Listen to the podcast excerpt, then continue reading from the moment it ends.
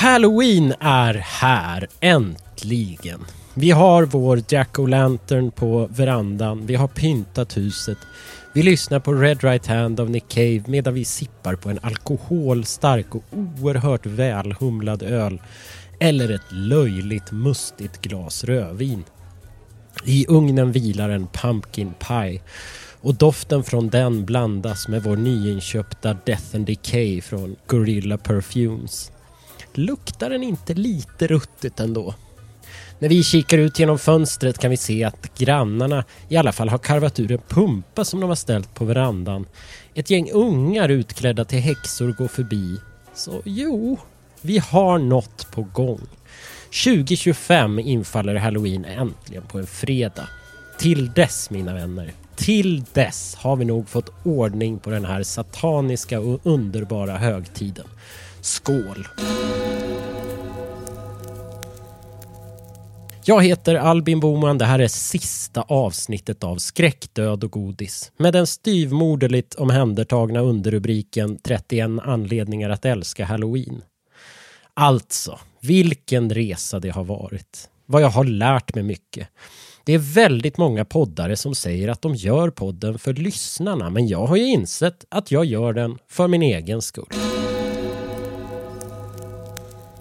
Jag skulle vilja gå emot allt jag sa i mitt första avsnitt och tipsa om filmer till kvällens firande. För lite firar ni väl ändå? Det är ju ändå Hallows Eve. Det är trist att det är på en söndag och varför finns det inga långhelger på hösten? Flytta nationaldagens ledighet till halloween, bums! Vi behöver det, mer nu än i fucking juni. Men vi fick ju tillbaka en hel timme i natt eftersom vi ställde tillbaka utemöblerna i boden, så lite längre kan vi vara uppe ikväll. Hur var det nu med det där med vilka filmer som passar till halloween? Kan man verkligen kolla på Hajen idag? Nej, tyvärr inte. Allt för tunga filmer går också bort. Det här ska vara en festlig dag trots allt. Jag väljer därför bort samtliga av Ari Asters filmer. Midsommar och Hereditary tar vi en annan dag. Likaså Bergmans Vargtimmen. Nej, för att vara passande halloweenfilmer tycker jag att de ska innehålla följande. 1. Ond bråd död. Det säger sig självt. Det ska ju vara skräck på halloween. Det räcker inte med när lammen tystnar. Nej, ribban ska ligga högre. 2. Den ska utspela sig under den mörkare delen av året. Jag kommer inte ifrån det. Idag kan jag inte riktigt ta in en film som utspelar sig under sol och palmer. Hajen går bort. Det finns så många filmer med mysig höststämning. Halva genren bygger ju för fan på vinande höstvindar och förmultnande löv så det är inte svårt att hitta. Vi ska känna igen det vi ser på tvn i det vi ser utanför fönstren. 3. Filmerna ska ha någorlunda enkla stories. Det gäller för samtliga av dem under dagen. Man ska kunna komma och gå, äta mat samtidigt som man tittar, dricka fem öl och ändå hänga med i handlingen. 4. Se till att blanda genrer och intensitet. Lägg upp en dynamisk filmdag och kväll. Överraska med något oväntat mellan de uppenbara klassikerna.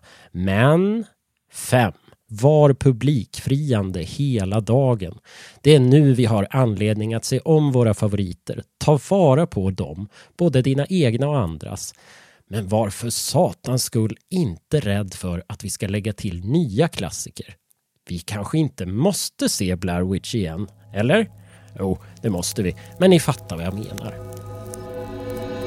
Här kommer då mitt förslag på upplägg. Den första filmen tar vi redan till frukost. Vi inleder med A Nightmare Before Christmas, eller möjligtvis Gremlins för att lura in de allra yngsta i halloween-träsket. Det är ju en del som ska fixas innan de första gästerna kommer, så den här blir mest för barnen. Sen går alla och trallar This is Halloween hela dagen. Det blir mysigt. Den andra filmen ska vara på ett ungefär 100 år gammal. På riktigt alltså. En klassiker som till och med barnen kan se utan att bli rädda. För de kan inte ta in svartvit stumfilm. De zonar ut direkt. Här kan man antingen gå åt den dansk-svenska dokumentären Häxan från 1922. En otroligt bra film. Eller till filmatiseringen av Selma Lagerlöfs Körkaren från eh, 1921. Eller varför inte Nosferatu från 1922.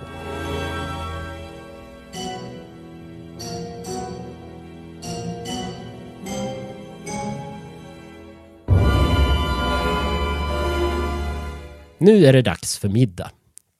Givetvis med mat efter ett recept från skräckkokboken. Och vad får vi då för film? Jo, såklart något som får oss att diskutera med vår bordsgranne. Det kan vara Wes Cravens Scream, Jordan Peels Get Out, Robert Eggers The Witch eller varför inte Amy Holden Jones The Slumber Party Massacre.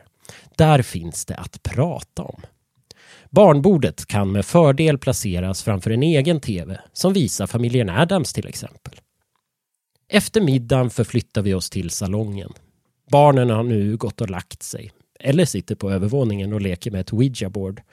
På nedervåningen serveras gästerna their choice of poison och sen kommer kvällens höjdpunkt. Nu släcker vi ner, hämtar en hel famn med öl på samma gång. För nu ska vi verkligen ta in filmen. Jag vet ju vad jag vill se.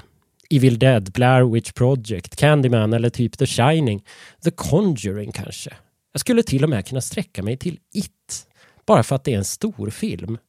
Huvudsaken är att den fjärde filmen på något vis är antingen ett mästerverk eller storslagen. Det ska kännas festligt. Vi har sett den förut men vi ser fram emot att se den igen med någorlunda skarpa sinnen. Som femte film väljer vi med allra största omsorg vad som helst. För ingen orkar nu se mer film. Ingen bryr sig, ingen kommer att hålla koncentrationen uppe. Några droppar av, andra går ut och röker. Någon tar ännu en Bloody Mary. Huh. Äh, sätt på Halloween vet jag. Det är väl passande idag, eller hur? När vi har vinkat av de sista gästerna blåser en elak höstvind ut löv över gatan. Jag är rädd att morgontimmarna kommer att föra med sig frost. Vi går in, stänger om oss och låser samtliga lås på ytterdörren. Vi släcker värmeljusen ett efter ett och går upp på övervåningen för att lägga oss.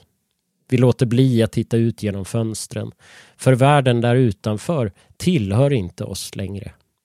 Där i mörkret är det nu andra som dansar och de vill vi inte se. Vad var det jag såg och vad var det jag hörde? Vad var det som djupt in i natten sig rörde? Som Sveriges första black metal-musiker Dan Andersson skrev. Det är nu den riktiga festen börjar, men vi är inte bjudna. Inte än i alla fall. Nej, vi lämnar nu halloween bakom oss. För vår del är det färdigt för i år. Nu återstår bara att säga godnatt och glad halloween. Men innan vi somnar tar vi fram en ljudbok av Per Faxneld. Ni vet han som höll i föreläsningen Djävulen som kvinnans befriare.